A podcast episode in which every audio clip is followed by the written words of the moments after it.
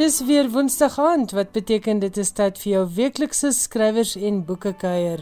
Ek is Elsje Saltzwedel en jy luister na my op RSG. Baie dankie dat jy ingeskakel is.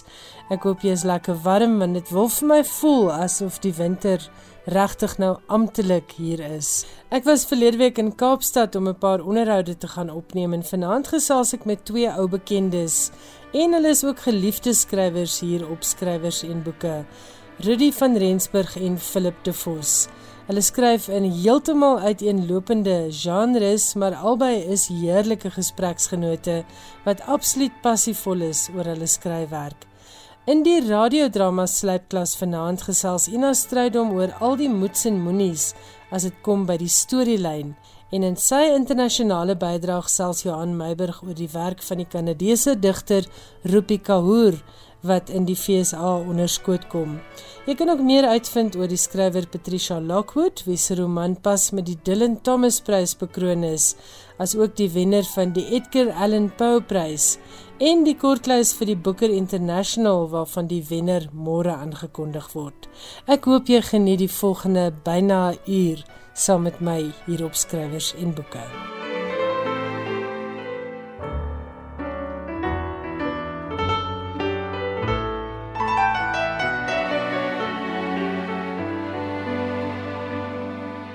Eerste aan die beurt, Johan Meiburg vertel vir ons waaroor die Amerikaanse bohaai rondom die werk van die Kanadese digter Rupi Kaur nou eintlik gaan. En ons speel ook 'n kort opname waarin sy van haar gedigte voorlees. Hier is Johan.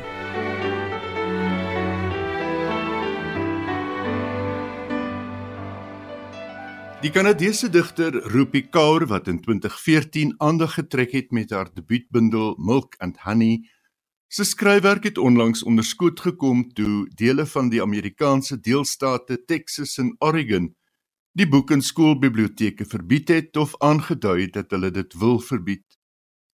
Kaur het die laaste wat ek gesien het iets soos 1,5 miljoen volgelinge op Instagram en is mateloos gewild onder jong lesers.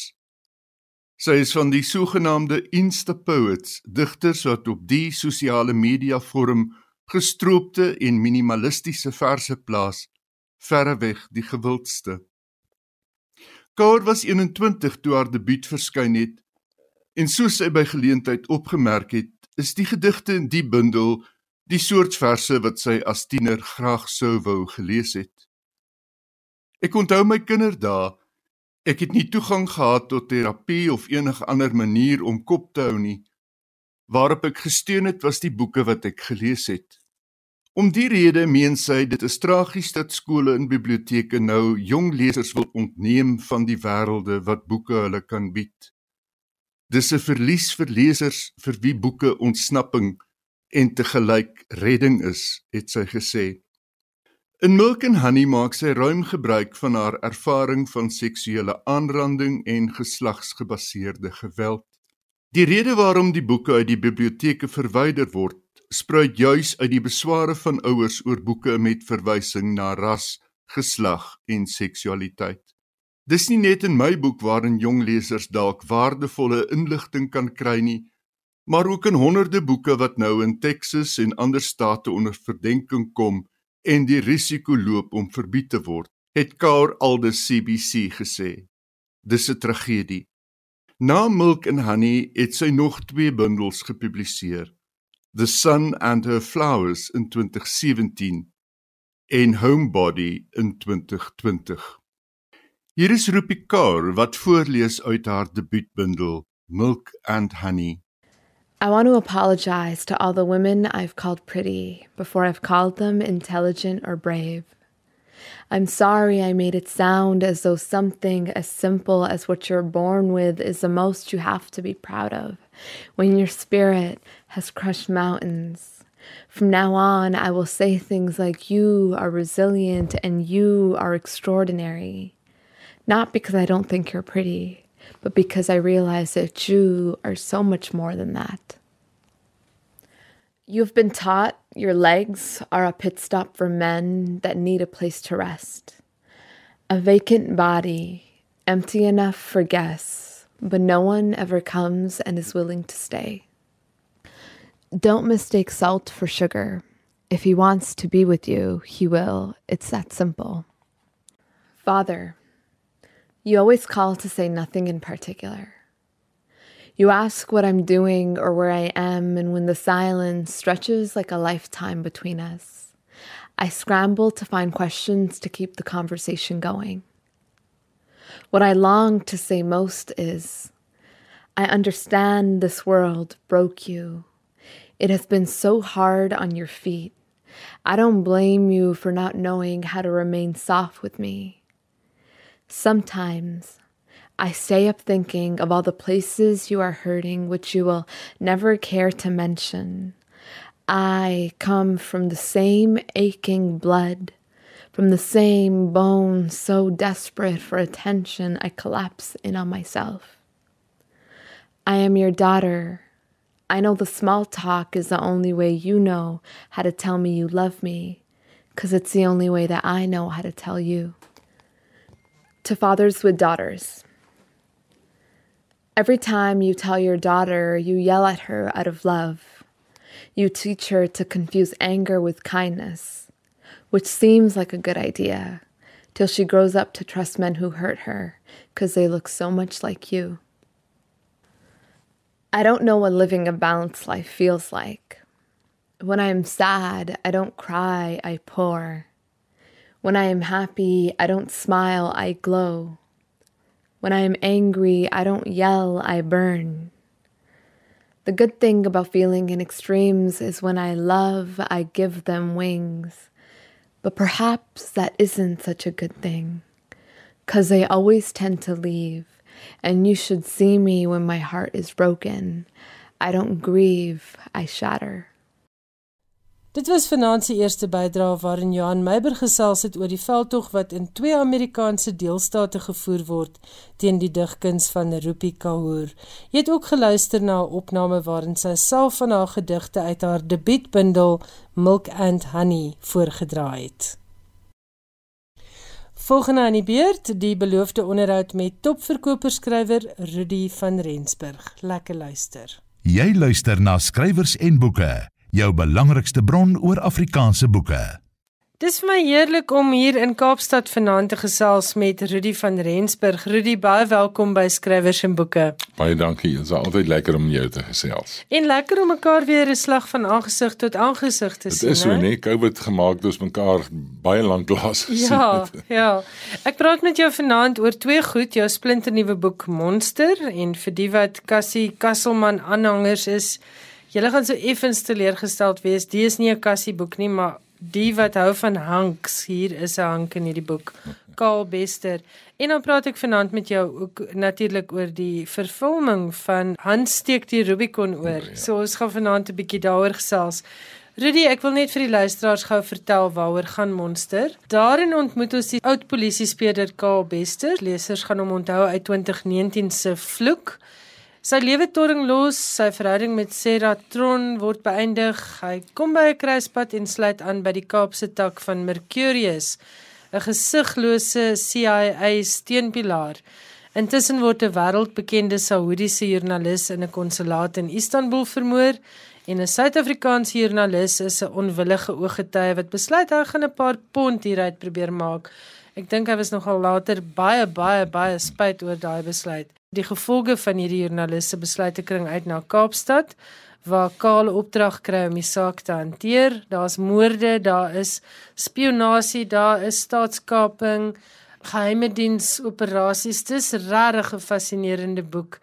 Vertel vir ons van die prikkel agter Monster. En ek weet jou boeke is nooit net 'n toevalligheid wat jy een oggend uitgedink het nie.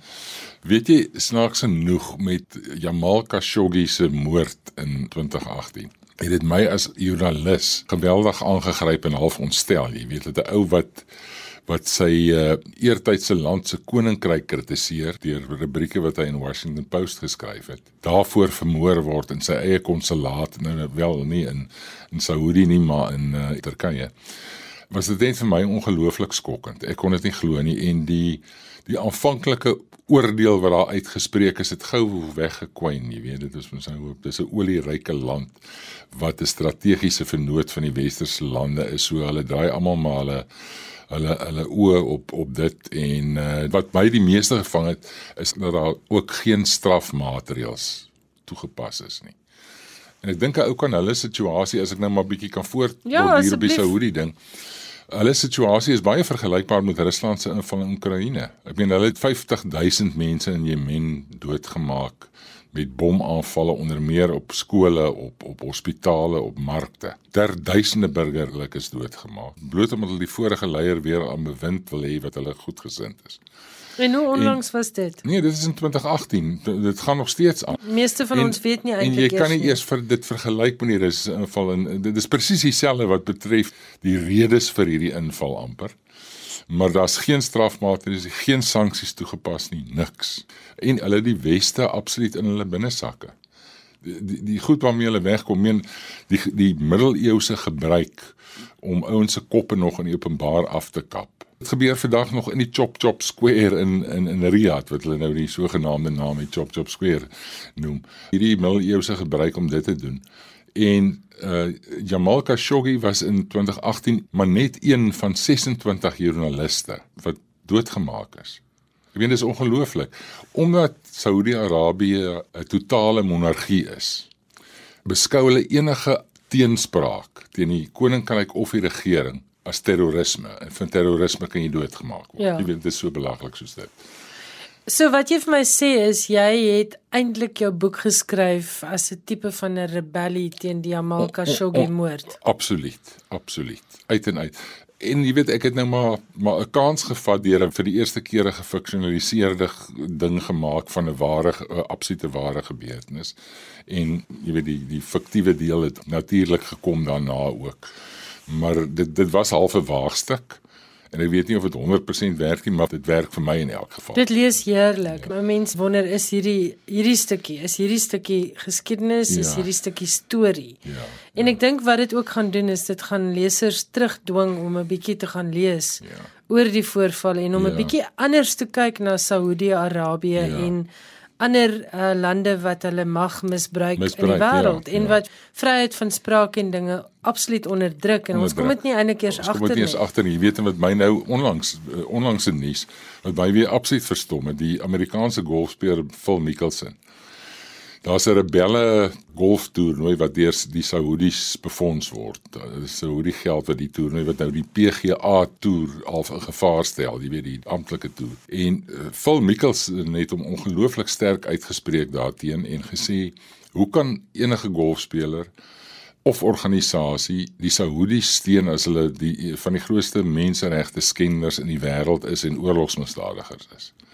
Hy is tot in die grond in veroordeel en van sy westerse borge het hom gelos as gevolg van sy uitspraak. Nou hoe verstaan jy dit? Jy weet dit is net ongelooflik. So wat my bring by 'n volgende vraag, uh was jy nie bietjie bang om hieroor te skryf nie? My vrou herinner my heeltyd daaraan dat onthou nou, moenie jy on- ontstel wees as iemand 'n aanval op jou lewe, maar ek meen dit is so erg nie. Ek uh Ou is versigtig, maar jy weet dit is dit is ware feite en en niemand kan sê die die die die ding is gebaseer op feite. Ek meen is 'n feit dat uh, nou onlangs die uh, CIA se die deklassifiseerde dokumente openbaar gemaak en daarin is uitdruklik gesê dat Mohammed bin Salman die kroonprins sy goedkeuring gegee het vir die moord op Khashoggi.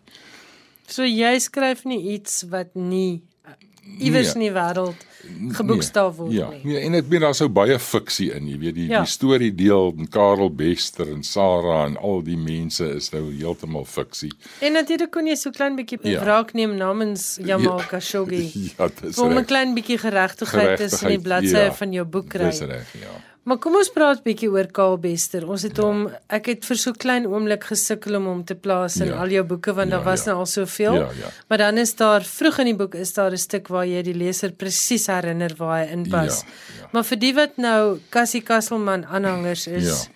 Waar kom Karl Bester vandaan? Kyk, Karel Bester het in die eerste boek gefigureer, Slaghuister, was hy ook 'n baie sterk karakter gewees.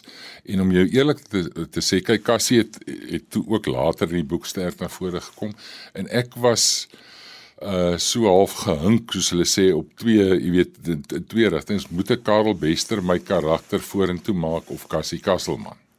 En ek het net besluit Cassie is 'n beter roep vir my en, en so uh, Karel het eers weer in Vloek in 2019 het hy op die toneel gekom en toe is die boek basies ook was hy die hoofkarakter in die boek met so 'n klein kameel rolletjie vir Cassie in die ding. En hulle ken mekaar gelukkig, so ja. dis nie heeltemal onnatuurlik nie. Maar in die een het dit Cassie nou nie eintlik gefigureer nie alhoewel hy sy naam een eenmal uitelik gebruik het vir on, vir oneerlike doeleindes. Jy raak aan 'n ander interessante ding hierso wat ons heeltemal te min van ja. weet. Ja. Mense het ook gesê dat die president van die Oekraïne is eintlik 'n CIA aanstelling. Hmm.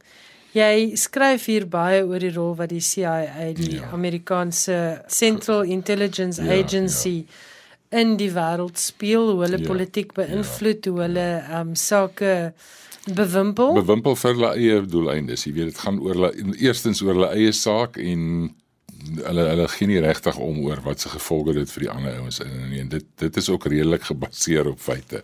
So vertel my van jou navorsing om juist daardie stuk van die van jou boek te Kijk, kon ek het gelukkig maak. Ek het al oor die CIA in die verlede geskryf en vloek onder meer, jy weet, het ek baie navorsing gedoen so ek kan weer ek kon weer oor daai navorsing lees en uh, en ek het onder meer in WikiLeaks leaks op goed afgekom wat net skrikwekkend is jy weet wat wat CIA dinge gedoen het wat jy ook nie kan glo dit word gedoen nie maar ek het dit nou maar gelos daai daai WikiLeaks dele maar dit het my genoeg agtergrond gegee om redelik geloofwaardig oor die CIA ook te kan skryf en dan dit is nie uh, ongewoon om frontmaatskappye nee, te kry nie ons nee, ons het nee. dit in staatskaping ja, ook gesien ja, ja, ja. en hy speel later as jy terugkyk ja. op die politieke reuserol en Mercurius is nou so frontorganisasie. Ja. Kyk, daar is sulke frontorganisasies wat wat amptelik bekend staan en hulle name noem ek in die boek ook. Ek kan nou nie uit my kop uit die die plekke mm. noem in Brittanje en in in in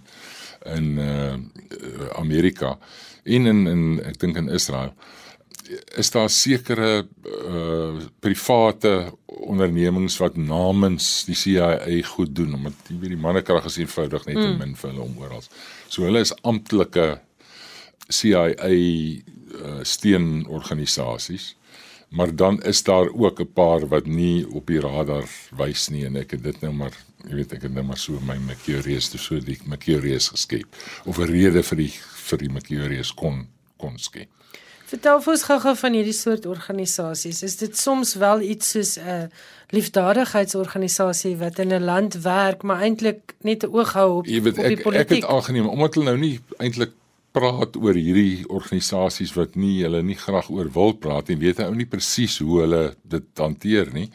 Maar ek het toe nou maar hierdie Mercurius geskep as 'n konsyse menseregte organisasie wat waak oor menseregte in Suid-Afrika as 'n as 'n as 'n front en dan nou eintlik maar werk vir die CIA op op ander gebiede wat die polisie en ons eie staatsveiligheid agentskap nie eintlik van hou as buitelandse mense inmeng daarmee nie. So dit, dit is die tipe van sake waarna hulle kyk. En die regering hou natuurlik ook nie daarvan. O, glad nie. Nee, nee, glad nie. En jy weet in die die verwysing na die wapentransaksies in die boek net terloops. Van Denel, ja, ek wil vir jou vra daaroor. Absoluut in die kol. Hulle ja. sê dalk ontken, maar daar is bewyse dat van hulle helikopters se goed daar was en dat die munisie fragmente van die bomme uh, ook gemaak is in Suid-Afrika baie daarvan by die Nel uh wat gebruik is in in Jemen om om ons, onder andere by die vismark aanval. Dis reg ja. Hmm. Jy weet dit is tragies want dit verbreek alle eindgebruiker sertifikate en oortree alle reëls dat jy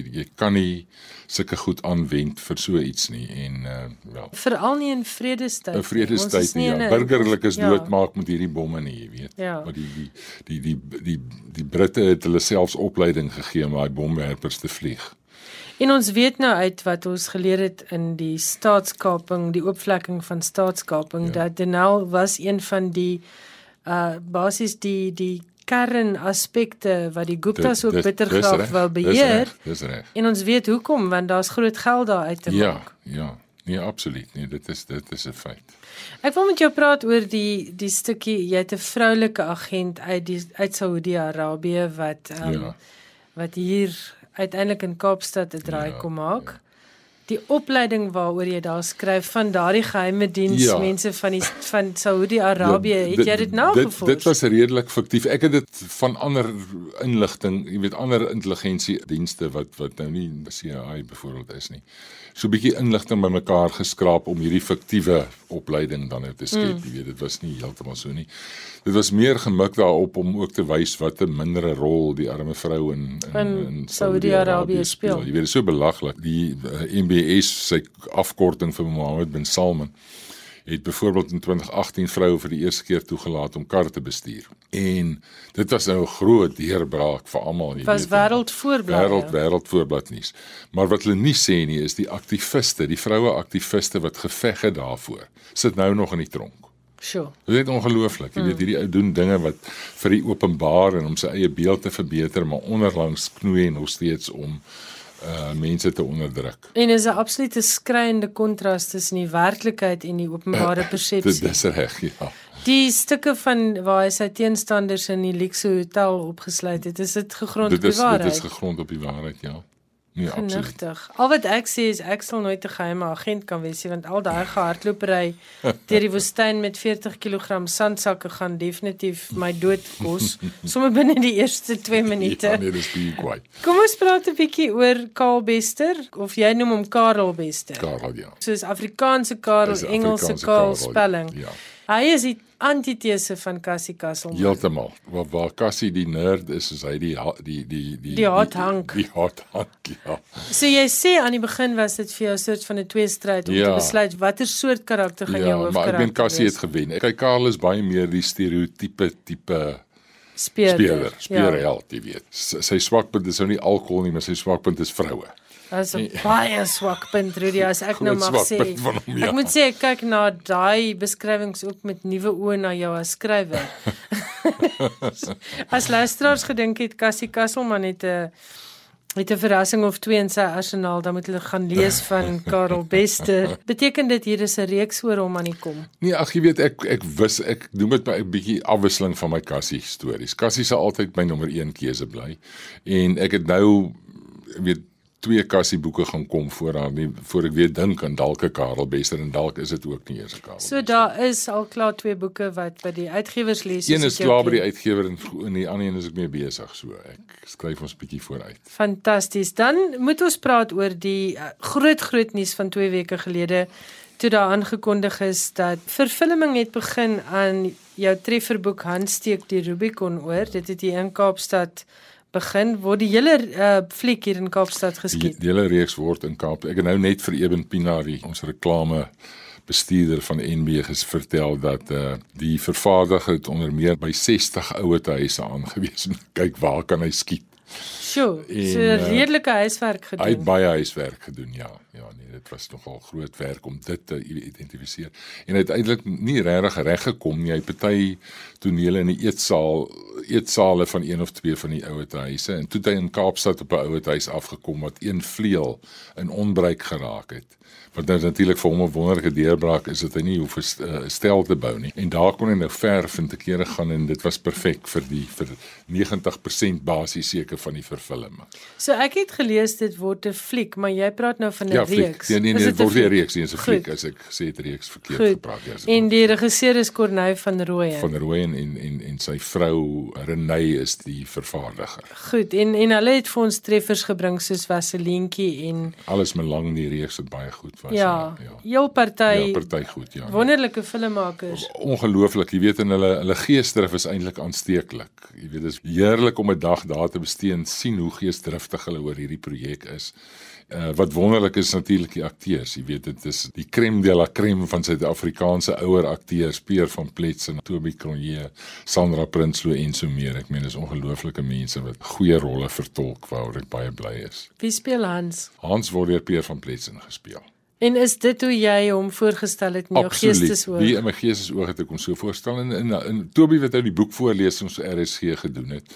Almal het gedink hy gaan Hansie is, maar hy is 'n beter fasie, jy weet, so hy het fasie, hy het gaan fasie se rol baie uh goed speel. Fasie is mos so, half die sidekick, né? So is dit is Hans se sidekick, ja. Rudy, hoe betrokke was jy by die skryf van die draaiboek? Nee, wie ek het nie betrokke. Kyk, uh hulle het my heeltyd gesê wat hulle gaan doen en so meer. Ek het 'n lang gesprek met hulle gevoer voor hulle met die met die vervulling begin het wat baie gehelp het om 'n idee te kry van wat in hulle koppe aangaan.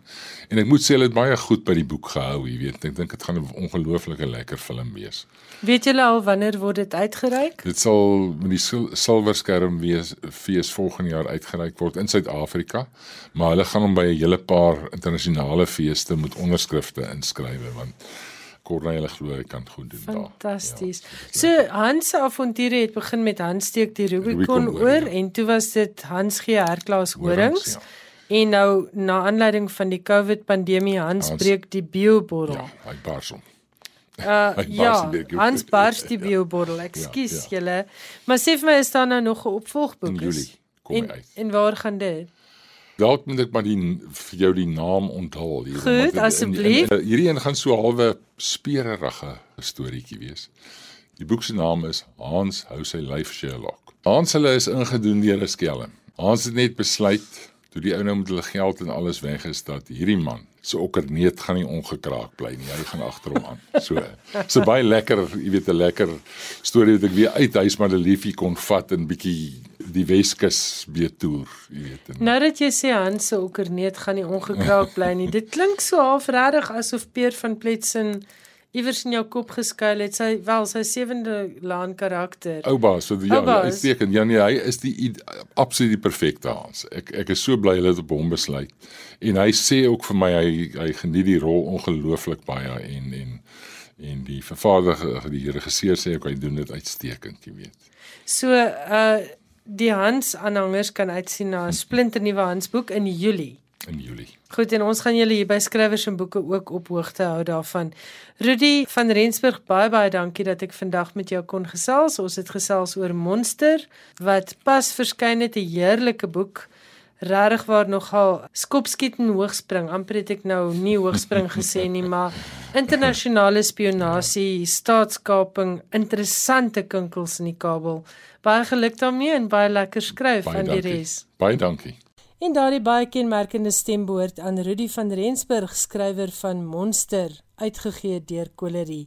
En dis 'n boek wat ek baie wyd kan aanbeveel. En met Vadersdag om die draai dink ek dis beslis ook 'n boek wat die meeste mans baie sal geniet.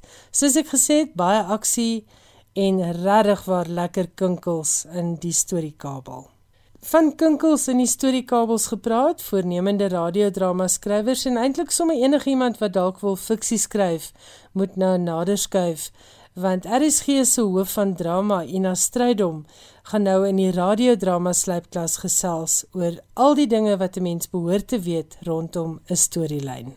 Wat is 'n storielyn? Nou ja, sonder 'n storielyn is daar nie 'n storie nie. Dit is die verloop, die gebeure tussen die begin en die einde. Die bekende skrywer en regisseur van radioverhale, Marie Snyman sê, voordat die skrywer 'n storie begin vertel, moet hy weet wat die einde is. Dit is die ontknoping van die storie en dus die hoogtepunt. Om net te begin skryf en te dink jy sal nog besluit wat die einde is, kort week jou vertelling. Sy sê die begin is net so belangrik want dis waar jy die luisteraar se aandag trek. 'n Goeie storie het ook altyd 'n kinkel, iets wat asof uit die blou te gebeur, maar As die luisteraar of leser terugdink aan die gebeure vooraf, moet dit duidelik sin maak. Met ander woorde, dit moenie 'n vals kinkel wees nie. 'n Vals kinkel laat die luisteraar met die gevoel van hy's verneuk, aangesien die kinkel by die hare ingesleep is en slegs vals drama skep. Die beplanning van 'n storielyn moet vooraf gedoen word en verkieslik op skrif. Wanneer mense gebeure en hoe hulle op mekaar volg op skrif of op die rekenaar voor jou sien, kan jy maklik goed rondskuif en besluit dis of nie belangrik nie of dit maak nie sin nie of dit moet uitgehaal word of dat jy daarop kan verbeter. Mens kry dikwels ook nuwe idees op die manier. 'n Raamwerk van jou storie word 'n soort veiligheidsnet wanneer jy vasbrand, omdat jy dan immers weet waarheen jy mik. Goeie beplanning verhinder ook dat jy insinking kry en koers verloor of al op die een plek bly sparkel. 'n Skrywer verloor maklik koers in die middel van 'n storie. Of jy brei te veel uit op intriges of gebeure wat nie van werklike belang is vir die verloop van die storie nie. Daar kan meer as een storielyn wees wat gelyktydig afspeel, maar dan moet die verskillende storielyne oorvleuel. Andersins skep dit verwarring by die luisteraar. Die sekondêre of neuwe storielyne moet ook bydra tot die oorspronklike of 'n belangrike bydra lewer tot die ontknoping van die storie. Beplanning help jou ook om uit 'n hoek te kom waarin jy jou kan vaskryf, omdat jy immers dan weet waarheen jy op pad is. 'n Te rigiede beplanning kan egter lei tot verveling by die skrywer self. Of die hoofkarakter kan 'n lewe van sy eie aanneem en dan is die hele raamwerk daarmee heen. Skrywers sê immers dikwels dat jy nie vir jou karakters kan voorsê nie. Die ideale beplanning is dus nie te rigied nie, maar bied 'n raamwerk waarbinne daar tog ruimte is vir kinkels en verrassings en afdraaipaadjies. Dit verseker dat die hoofkarakters tog by die eindpunt aankom wat jy sou wou hê. Die basiese storielyn is die antwoord op die vraag: Wat wil die hoofkarakter bereik? Speurder Jan wil die moordenaar vang of Sanet wil die misverstand met haar ouers uit die weg ruim, of Jan wil 'n traumatiese gebeurtenis verwerk, of Marie ontmoet vir Johan en wil met hom trou en lank en gelukkig saamleef. As jy nou 'n maar by enige van hierdie doelstellings voeg, begin jy met die intrige en die struikelblokke in die hoofkarakter se pad. Hieruit ontstaan die konflik, innerlik of uiterlik, waarsonder daar nie 'n storie is nie. Die storielyn is dus die breë raamwerk van jou storie. Die basis van dit wat jy wil vertel. Maar dis nog lank nie die hele storie nie. Lekker skryf, tot volgende keer. Dit was Ina Strydom met haar gereelde radiodrama slypklas, dit spesiaal saamgestel om alle voornemende radiodrama skrywers te help om hulle inskrywings vir vanjaar se Sanlam RSG radiodrama skryfkompetisie te help verfyn. Onthou inskrywings vir hierdie kompetisie sluit op 1 Augustus en jy kan volledige inligting daaroor asook 'n handleiding oor die skryf van radiodramas op RSG se webwerf kry.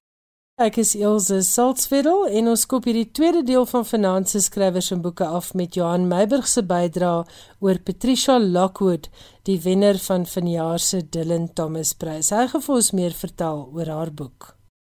Die Amerikaanse skrywer en digter Patricia Lockwood is onlangs aangewys as die wenner van vanjaar se Dylan Thomas Prys met haar debuutroman No One is Talking About This. 'n boek wat die beoordelaars beskryf het as 'n verstommend gevatte en vars blik op die hedendaagse internetkultuur. Die roman draai om die sosiale media roem van 'n anonieme verteller en die lewe wat sy lei op The Portal, 'n platform soos die van Twitter. Die roman is verdeel in 2 dele en daar is 'n dagboek kwaliteit in Lockwood se aanbieding. Die Dylan Thomas Prys word toegekend aan skrywers jonger as 39 die ouderdom waarop Thomas in 1953 dood is en die prys word gereken as een van die toonaangewende pryse vir jonger skrywers. Lockwood se roman was die enigste debuut wat in 2021 die kortlys van die Booker-prys gehaal het en die roman was ook op die kortlys van die Women's Fiksieprys. Sy het twee digbundels die lig laat sien: Balloon Pop Outlaw Black en Motherland Fatherland Homeland Sexuals en daarbey ook 'n memoir Priest Daddy oor haar ervaring om weer as volwassene by haar ouers te gaan inwoon en daarmee saam haar perspektief op haar opvoeding in 'n godsdienstige ouerhuis.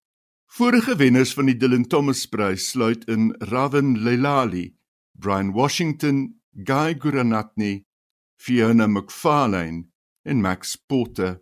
Patricia Lockwood se roman No One is Talking About This word uitgegee deur Riverhead Books. Dankie Johan Meiburg en as jy dalk Patricia Lockwood se boek wil aanskaf en jy die naam is geloop, dit is No One is Talking About This.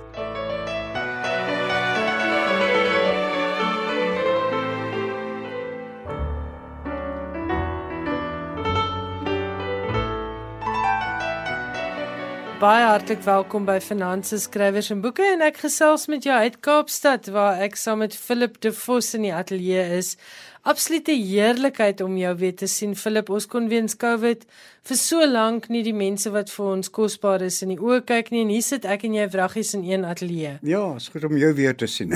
en ons RSG luisteraars is baie lief vir jou. Almal vra altyd oor die woordketting en Philip, ek dink ek wil my verstout om te sê beroemder geraak as gevolg van ja. RSG se woordketting. Dis regtig baie lekker om jou te sien en ons praat vanaand oor 'n splinter nuwe boek môre en gisterand en die einde van die maand en dit is jy noem dit jou versies vir oueres. So vertel vir ons 'n bietjie van hierdie boek. Party van die verse is al jare gelede geskryf. Maar die mees onlangse verse was die skepingsverse aan die begin daar sewe versies wat toe die uh, Grendeltyd begin het. Daai eerste dag het ek my eerste versie geskryf en dit was juis die eerste dag van die skepping. En gedurende daai tyd het ek baie versies geskryf. En as ek 'n versie skryf, het ek gewoonlik op Facebook gesit as dit goed genoeg is en jy kan kry 'n reaksie kry met gevolg ek kan sien hoe mense oor my versies voel of oor sekere versies voel. So was dit die begin van die of die die ontstaan, en, en, die vonk vir die bundel. Daar was soveel versies gewees oor die jare, maar ek dink was seker die vonk gewees. Goed, lees vir ons daardie eerste uh skepingsvers die wat die bundel inlei. Wel daar sewe van hulle. Jy mag nie al sewe lees nie. Nee, nee, ek gaan nie ek gaan nie mense moet die bundel koop. Ek weet, ek weet, ek gaan die 6ste dag lees. Lees vir ons die 6ste dag. Ek wil nie te veel weggee in die program nie want ek wil hê mense moet hierdie pragtige bundel gaan koop. Ek ook. Goed. En op die 6ste dag het hy nuwe skepings voorberei die olifant en mure en die dieretuin se diere, kameelperd en kameel wat die groenigheid kom deel, agter os en bobbejaan, orang-outang, likkewaan, met nuwe lewe onbegrens en toe op laas skep hy die mens. Philip de Vos lees Philip de Vos soos net Philip de Vos kan. Philip baie dankie. Kom ons gesels 'n bietjie oor jou idees, waar kry jy dit? Begin dit met 'n woord, is dit 'n foto want jy's ook 'n fotograaf? Met ander woorde, is dit 'n prentjie of is dit 'n woord? Wat is die prikkel vir 'n versie? Altyd 'n woord. Altyd 'n woord.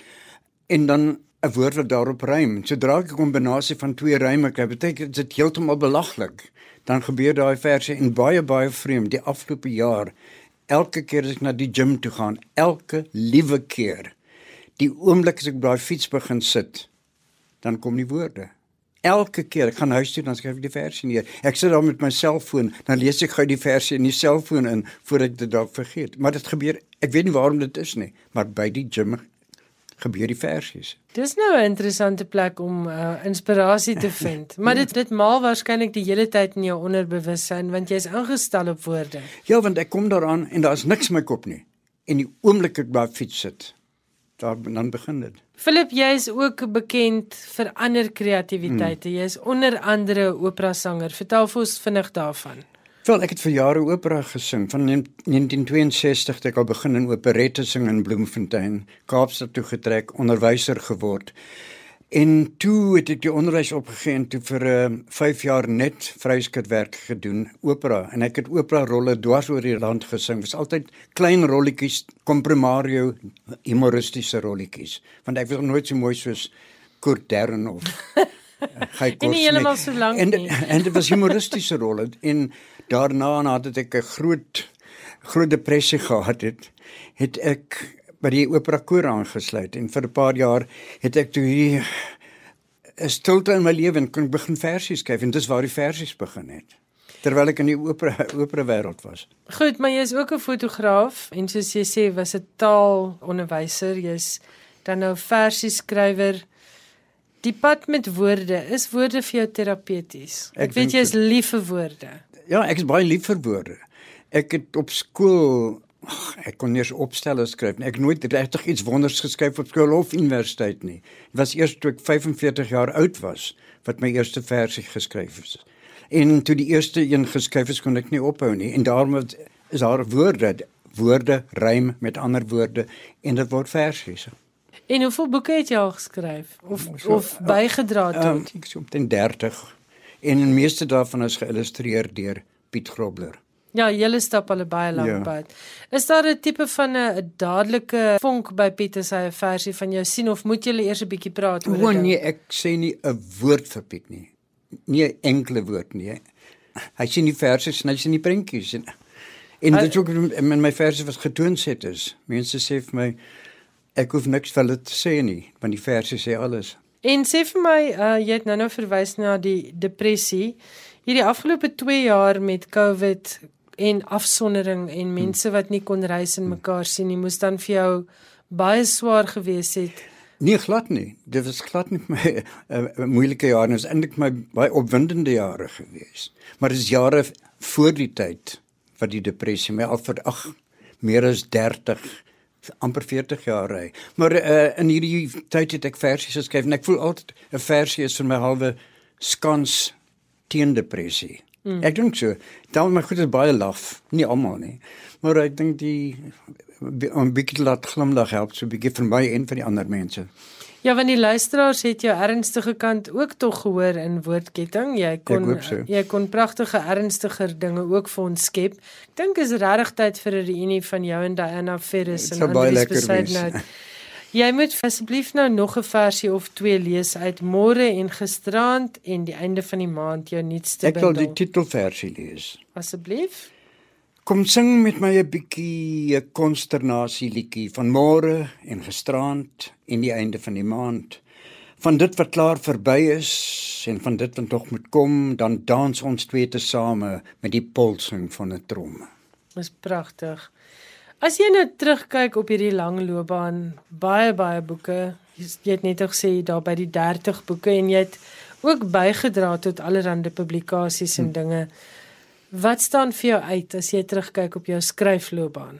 Uh 1985 het Albie Lou my versies begin toonset. En hy het seker meer as 100 getoonset. En vir my die wonderlikste ding wat gebeur het was ek hierdie versies vir die eerste keer in die publiek uitgevoer het. Ek sal dit nooit vergeet nie. Byvoorbeeld daar's een versie, ek het gevoel as ek dit gaan sing nou, gaan ek in trane uitbars. En dit was ag dood eenvoudige verse. Dit is konsternasie, hoenderpiep, die see lê blou en vreeslik diep. Die diep blou see moet ek môre oor, maar die kaart daarvoor het ek klaar verloor. En dis my eintlik 'n hoogtepunt vir daai dag toe ek vir die heel eerste keer hierdie versies in die publiek gesing het. Jy neem ook pragtige fotos. Hmm. Vertel vir ons 'n bietjie daarvan en as ek nou reg onthou was daar 'n fotoboek wat by Protea verskyn het. Dit het in 2006 dit was 'n uh, titel was Milieu met fotos omtrent 130 uh kreatiewe Suid-Afrikaners in hulle eie omgewing geneem. Maar nou deesdae met COVID en met die ouderdom ek's 83, ek's nie meer 'n kind nie. Ag neem ek maar dinge af wat ek op die pad teekom as ek met die hond gaan stap. Baie daarvan is abstrakte werk, maar dit is heeltemal verander sedert my vorige werk met fotos van mense. En mense kan ook jou fotos nou sien op Instagram. Jy is 'n nuweling op Instagram. Ek Ja, ek geniet dit om dit daar te Ek het sien. eers geweet hoe werk Instagram tot een van die ander van my so kom sit nie van jou foto's daar nie. En dit is my lekker. Ja, jy kan jou werk uitstal. Dit is 'n eie aanlyn galery as Ja, dit dit is ware. so. En sê vir my Philip, as jy skryf, skryf jy elke dag? Het jy 'n spesifieke ritme en rotine of skryf maar net daai oomblik in die gim waarop jy 'n paar goed agterkom en dan gaan skryf jy vir 'n rukkie by die huis? Dit hang af waar 'n woord in my kop kom. Enige plek waar 'n woord kom uh, en ek die rymwoord kry. Dis daai rymwoord wat die versies laat begin. Mm. En dit hang af waar ek is, maar meestal by die gym deesdae. Jy het vir my 'n e-pos gestuur om vir my te vertel van môre en gisterand aan die einde van die maand. Toe noem jy dit nou jou versies vir oueres, maar jy skryf ook die mees fantastiese goed vir kinders. Is daar 'n verskil in hoe jy dit benader? Die twee ouderdomsgroepe. Glad nie. Ek dink ek skryf maar vir myself. Nog altyd ek nog nooit 'n werklike tekengroep gehad nie. Nou onlangs het 'n ander boek vir my verskyn Tokkolossie Bossie. Ehm dit Vertel is- daarvan? Ja, dit was in Maart, Tokkolossie Bossie en ander dol gedoentes. Dis geïllustreer deur Piet Grobler, pragtige kleur kleurvolle boek. Maar as ek na daai versies kyk na hierdie, daar is nie eintlik groot verskil nie. Die enigste verskil is die prentjies dalk, want Die hierdie een het ja. glad nie prentjies nie. Het glad nie prentjies nie. Behalwe ek die omslagfoto geneem. En dit is miskien dan nou uiteindelik die enigste verskil is dat ouer versies, versies vir oueres word nie geïllustreer nie, Word nie geïllustreer, jy maar jou eie verbeelding gebruik terwyl jy die versie lees. ernstige digkuns. Ek wil jou nou nie beledig en vra of jy nou ernstige digkuns oorweeg het nie, want hierdie is 'n verskriklike kuns wat jy wat jy hier beoefen, maar het jy al ander genres van poësie verken? Nee, ek het 'n paar jaar gelede limerieke geskryf, maar dit is nog steeds nie selfde uh, selfde tipe versie nie. Ek het nog nooit ernstige versies oorweeg nie. Een van my versies dink ek som dit alles op. Elke voeltjie het sy lied. Hadida en kokkewiet. Of dit vraai of goor of gek is, jy moet sing soos jy gebek is. En ek weet presies hoe ek gebek is. Ek weet wat ek kan doen, ek weet wat ek nie kan doen nie. Ek kan versies skryf. Ek kan nie gedigte skryf nie. Kom ons hoor nog so 'n paar versies uit jou nuwe boek. Daar's baie kwatryne. Party is laf, party is liries. Ek wil een of twee daarvan lees. Ja, asseblief.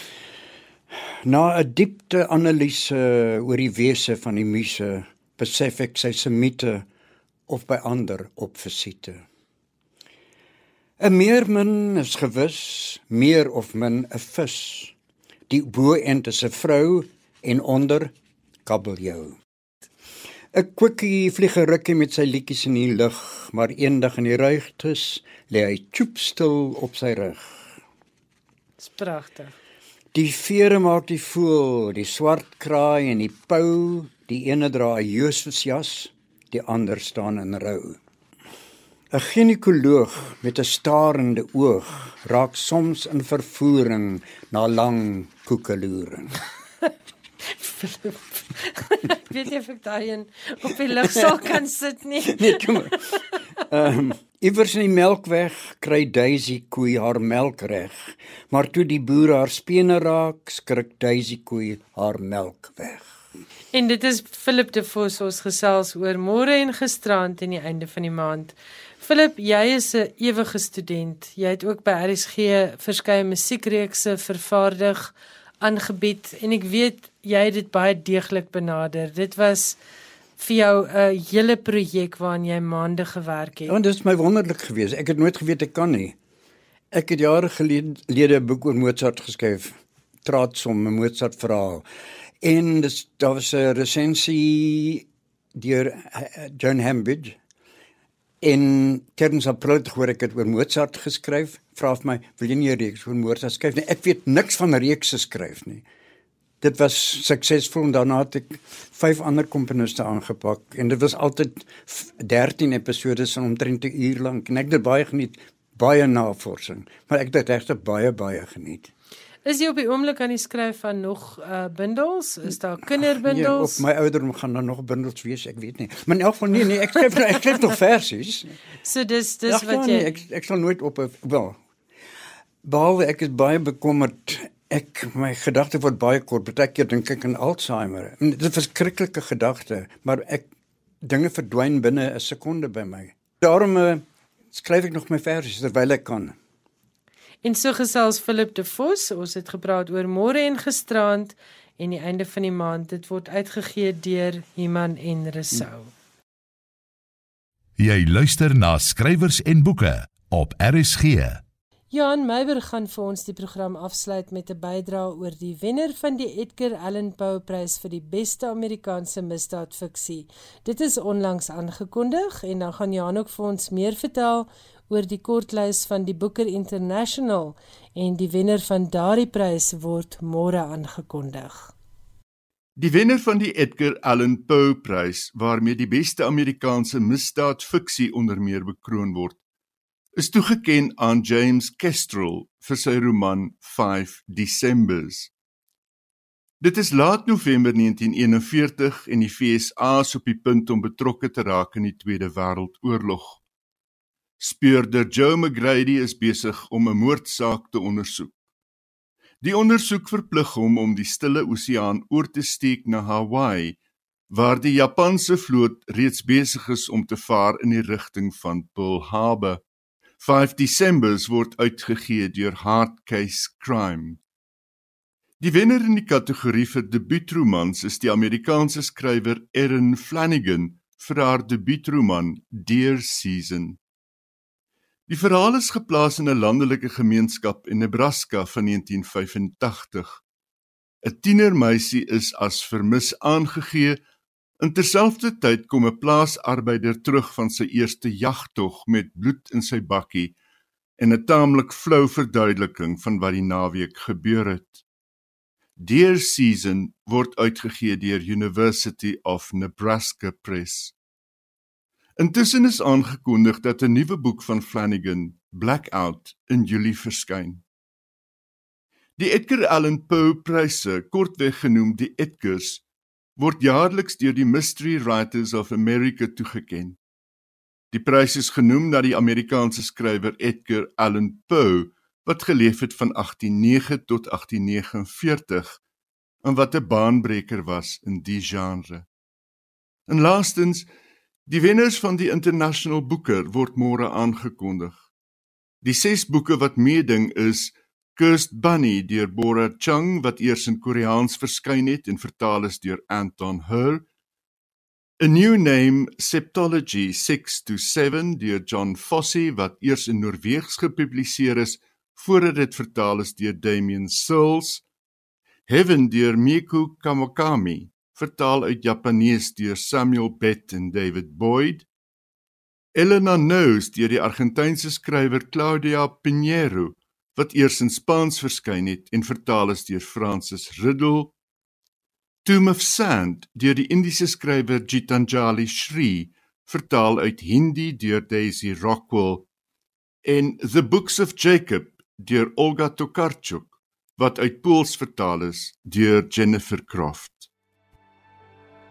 Baie dankie Johan Meiberg, heerlike bydraes soos altyd.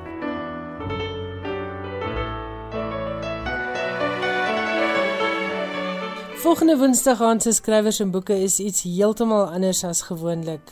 Jy het seker al opgelet dat ons probeer om aandag te gee aan meer genres in skrywers en boeke En volgende Woensdag aand is spesiaal vir almal wat lief is vir geskiedenis, maar eintlik ook 'n program waarna alle Suid-Afrikaners wat lief is vir Suid-Afrika behoort te luister.